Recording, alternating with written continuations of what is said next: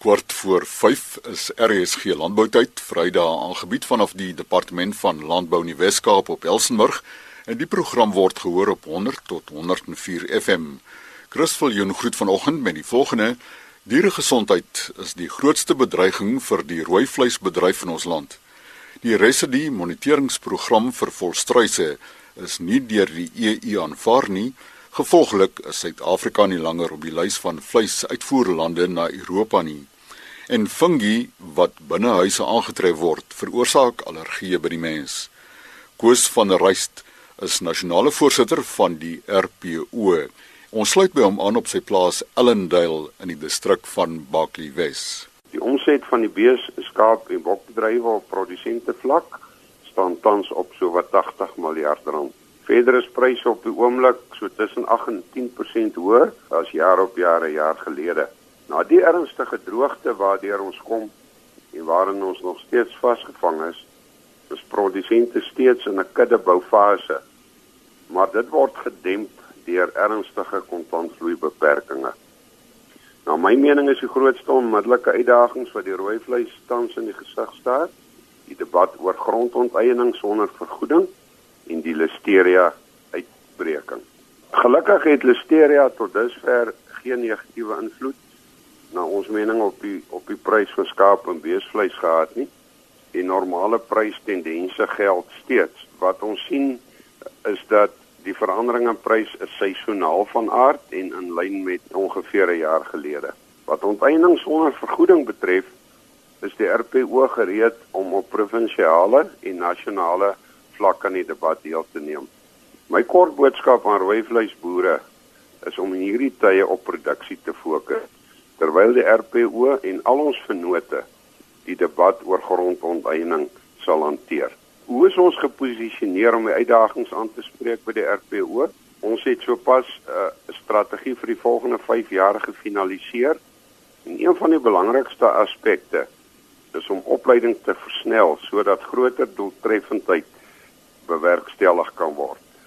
Kommersiële en opkomende boere, sowel as plaaswerkers, het opleiding en tegniese inligting nodig sodat meer effektiewe boerderypraktyke gevestig kan word. Dit gaan ons onder meer met behulp van opleidingskursusse doen. Verder kan verhoogde bedingings mag bereik word eh, deur 'n groei in ons ledetal. Aangesien 'n lededatabase en 'n database van die kernrolspelers na ons opinie noodsaaklik is vir doeltreffende en beter kommunikasie. Dieregesondheid is na ons opinie die grootste bedreiging vir die rooi vleisindustrie in die land en daarom is ons daarvan oortuig dat 'n uh, 'n bekostigbare en 'n uitvoerbare en naspeurbaarheidstelsel een van die hoekste tene sal wees om dieregesondheid te verseker. Verder is dit krities dat ons back and closure uit die uit die land sal hou En terwyl die bekamping van bruselose een van die belangrikste inisiatiewe is om dan nou produksie volhoubaar te kan hê. Dit bring my by die verbruikersopvoeding. Dit behoort 'n integrale deel van ons programme te wees. En ons moet ook by die ander lande soos Australië en Kanada gaan leer oor hoe hulle die mites rondom rooi vleis net die nek aangeslaan het. En dan produksieontwikkeling. Een van die uitkomste van die droogte was uh, dat ons 'n gebrek aan produksie het. En en dit bly vir ons 'n baie groot uitdaging om die verhoogde vraag na proteïen in te kan voorsien in die volgende 5 jaar. En om dit te kan doen, het ons navorsing en ontwikkeling nodig. En die uitdaging is nou om die geld hiervoor bymekaar te kry en om hierdie planne te kan uitrol tot voordeel van die industrie in die algemeen en tot voordeel van ons produsente in die besonder die nasionale voorsitter van die RPO, Koos van Rust. Steeds by vleis, die Residue moniteringsprogram vir volstruise is nie deur die EU aanvaar nie. Ons verneem by die hoofuitvoerende beampte van die Suid-Afrikaanse Volstruis Besigheidskamer, Piet Klein. Op die oomblik gaan ons volstruisbedryf deur 'n baie groot krisis, 'n baie moeilike omstandighede vir ons produsente. Die wêreld en die grootste volstruisproduserende areas is baie baie droog en dit het 'n helse invloed op ons boere se produksiekoste en natuurlik op hulle kontantvloei. En dan ons tweede groot probleem is dat heidaglik kan die Suid-Afrikaanse volstruisbedryf geen vleis uitvoer na Europa toe nie wat ons hoofmark is. So dit vang prosesseerders, produsente en ons kliënte aan die ander kant baie baie sleg. Hierdie situasie het ontstaan vanweë die feit dat die residu moniteringsprogram wat deur onderste poort laboratorium in stand gehou moet word, nie deur die EU aanvaar is nie en en en dat hulle ons nou van die lys afgehaal het van lande wat mag vleis na Europa toe uitvoer. Nou ons het verlede week weer uh, lang gesprekke met ons kollegas in die departement landbou gehad om hierdie situasie aan te spreek en is besig om uh, 'n plan te finaliseer wat daarop sal staat maak dat ons eintlik ons toetse in die buiteland sal laat doen by 'n verwyserslaboratorium daar want ons moet so vinnig as moontlik weer terugkom op die lys van lande wat mag uitvoer. En ons moet verslag doen van die vorige periode se se toetse en uh, hierdie uitslae is dan ongelukkig ook nou op hierdie stadium gereed. So hierdie inligting sal aan die EU gestuur word voor die einde April en dan mik ons daarvoor om te kyk of ons teen die einde Augustus moontlik weer kan terugkom op die lys indien die EU nie dit nodig vind om 'n inspeksie te kom doen nie. As sou daar 'n inspeksie gedoen moet word, sal dit waarskynlik heelwat langer neem voordat ons weer terug kan wees op die lys van lande wat mag uitvoer na die EU toe. So ons werk volstoom hier aan. Ek moet sê die gesprekke wat ons met die departement gehad het, is hulle ook gemotiveerd om ons by te staan en hierdie situasie op te los. Minister Sokwane is ook betrokke by hierdie proses en uh, ons is volmoed dat ons hierdie proses sal omgedraai kry en dat Suid-Afrika dan weer toegelaat sal word om uit te voer. Ons huidigelik as ons kyk na wat gebeur met ons verkope binneland, dit is sodat die verkope binneland is bietjie onder druk, pryse is uh, bietjie onder druk. Ons probeer so hard as moontlik ons prosesseerders probeer om die mark uit te brei. Slagtings is gelukkig op hierdie periode bietjie laer as wat die gemiddelde normaalweg is, is ons laaste seisoen. So ons hoop en vertrou dat teen die tyd dat die produksie van slagvolstruise toeneem, dat ons dan weer wel tot die uitvoermark kan toetree. Aan die leerkant, die mark is onder druk was die afgelope periode is besig om bietjie kop op te tel. Ons is vol vertroue dat die produksie wat daar is hanteer sou kan word. En aan die vere kant is dit 'n situasie dat daar 'n groot ondervoorsiening van vere eintlik is en produsente baie goeie pryse kry.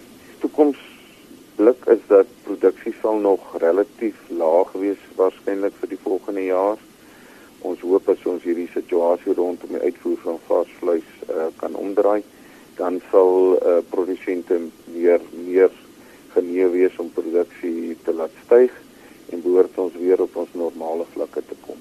Op die oomblik kan ons selfs ook nie hitte behandelde vleis wat jy wel kan uitvoer al is daar volgriep in die land. Dit kan ons ook nie uitvoer as gevolg van die residu moniteringsprogram wat nie in plek is nie. Suid-Afrika gebruik nie genoeg vleis dat 'n ou volstruisvleis dat 'n mens die primêre snitte met normale produksie hier kan bemark nie. Hier in hierdie lae tipe seisoene dan kan ons dit regkry om 'n redelike persentasie daarvan plaaslik geplaas te kry. Maar as ons nou in hoë seisoen is, jy weet dan probeer ons produseer ons baie meer as wat binnelands verbruik kan word. Volstruisvleis is gerig op die mark wat gesondheidsbewus is en lae cholesterol en die klas van dinge en die hoeveelheid mense wat wat in daai mark is en wat dit kan bekostig, jy weet, is nie groot genoeg om die hele produksie te kan absorbeer nie. Piet Klein, hoofuitvoerende beampte van die Suid-Afrikaanse Volstruis Besigheidskamer. En nou na Rodeplaat, Dr Kobus Visagie, senior navorser in die vakgebied mikologie by die Plant Health Protection Institute gesels oor 'n probleem wat moontlik in elke huis, veral ook in die stofsuier kan voorkom. Hierdie fungus is basies alomteenwoordig en daar's amper 1000 spesies wat ons tans aanvaar binne hierdie genera. Die uh, meeste mense sou al te doen gekry het met Aspergillus of Penicillium as jy byvoorbeeld dink aan jou ouma se vrugtemandjie die met 'n ou lemoen of suurlemoen in is daar die groen poeier of muf wat 'n uh, Penicillium Penicillium digitatum veroorsaak. Nou in huise maak hierdie genera meestal die grootste deel uit of persentasie uit van die fungiese populasie. waar dit dikwels allergieë in mense veroorsaak. So terug in 2005 het fungie taamlik nuus gemaak na die orkaan Katrina verwoesting in Amerika waar baie huise oorstroom het en die nagevolge van hierdie oorstromings was basies hoë vogvlakke in die huise en fungie het op die boumateriaal begin groei en mense negatief begin beïnvloed. So op daardie stadium het die regering besef dat ons nie regtig verstaan wat 'n gesonde en ongesonde gebou hoe dit funksioneer of hoe dit lyk nie en hoe dit mense wat binne in hierdie geboue uh, omgang uh, beïnvloed nie.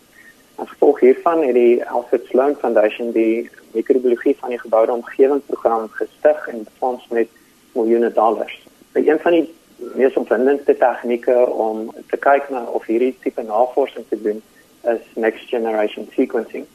So dit is 'n tegniek wat byvoorbeeld gebruik word om uh, organismes se genome te sequence, maar 'n ander toepassing daarvoor is om DNA byvoorbeeld uit stof te isoleer dit te sequence en met analises kan jy bepaal elke biologiese stukkie materiaal of organisme wat teenwoordig was in daardie stof.